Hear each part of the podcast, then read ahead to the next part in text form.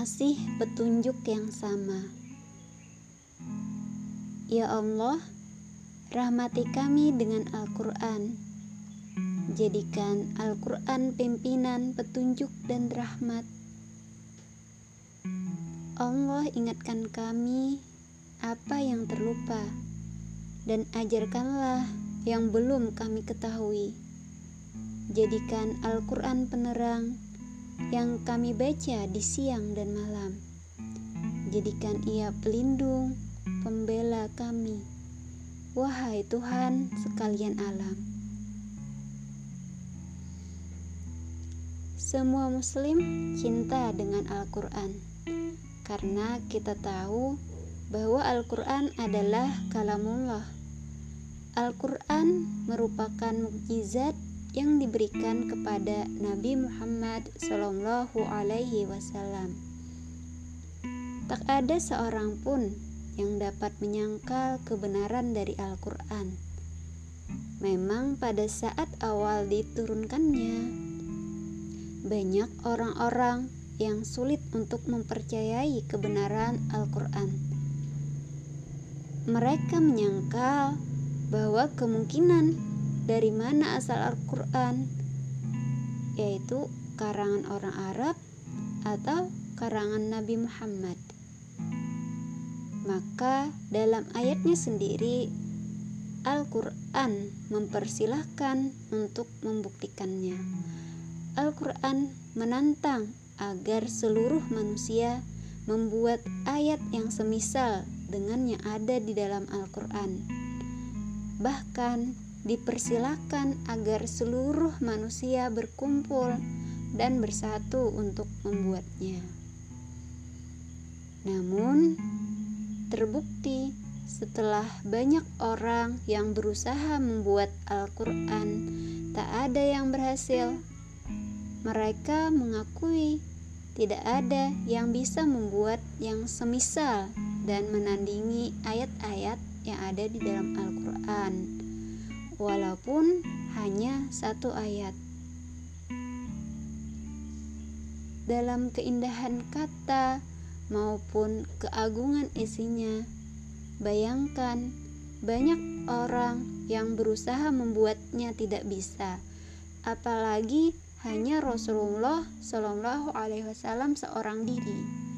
Kemudian kita sadari bahwa Al-Quran memang berasal dari Allah Subhanahu wa Ta'ala.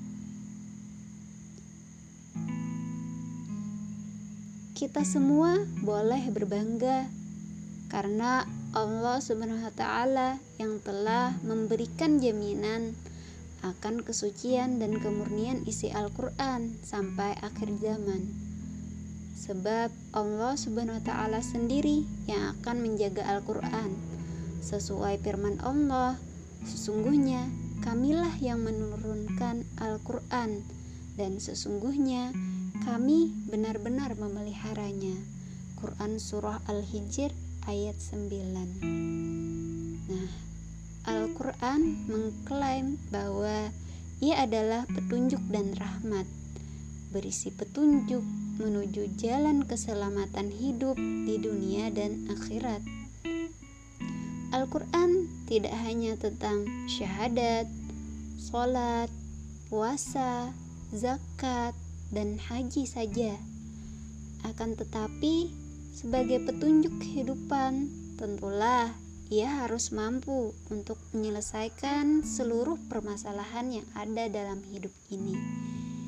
Dan sebagai rahmat, tentulah ia mampu memberikan kebahagiaan, memberikan ketenangan, menyejahterakan kehidupan umat manusia seluruhnya.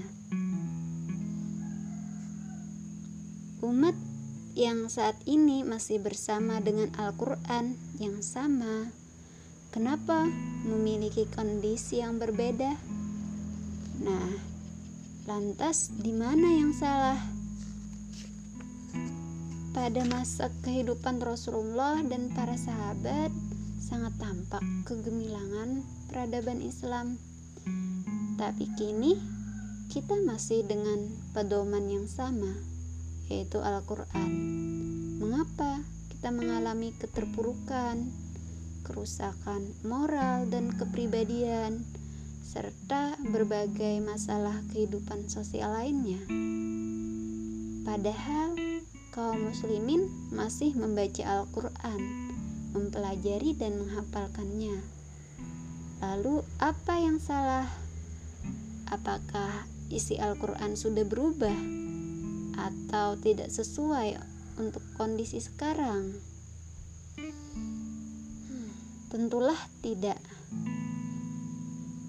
Jika kita menelisik lebih jauh dan mendalam, Rasulullah telah berpesan kepada kita bahwa kita tidak akan tersesat dalam kehidupan ini selama kita masih berpegang kepada dua wasiat beliau, yaitu Al-Quran dan As-Sunnah.